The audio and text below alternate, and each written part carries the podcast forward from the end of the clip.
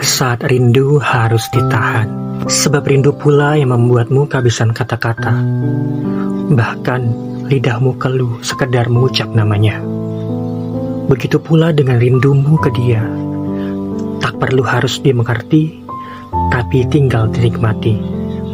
Toh dengan bertahan sejauh ini, kalian sudah menunjukkan kepada siapa pun bahwa kamu dan dia tak bisa dikalahkan oleh jarak. Jarak itu hanya batasan, tak kasat mata, sedangkan perasaan sendirilah yang membuatnya terasa jadi nyata. Mungkin ini juga yang disebut dengan jauh di mata, tapi dekat di hati. Sulit memang menerima rentetan kilometer yang memisahkan. Tapi sabar, akhirnya memudahkan semua termasuk harapan.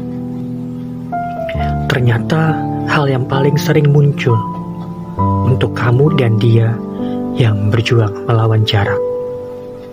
Cuma rindu dan rindu melulu.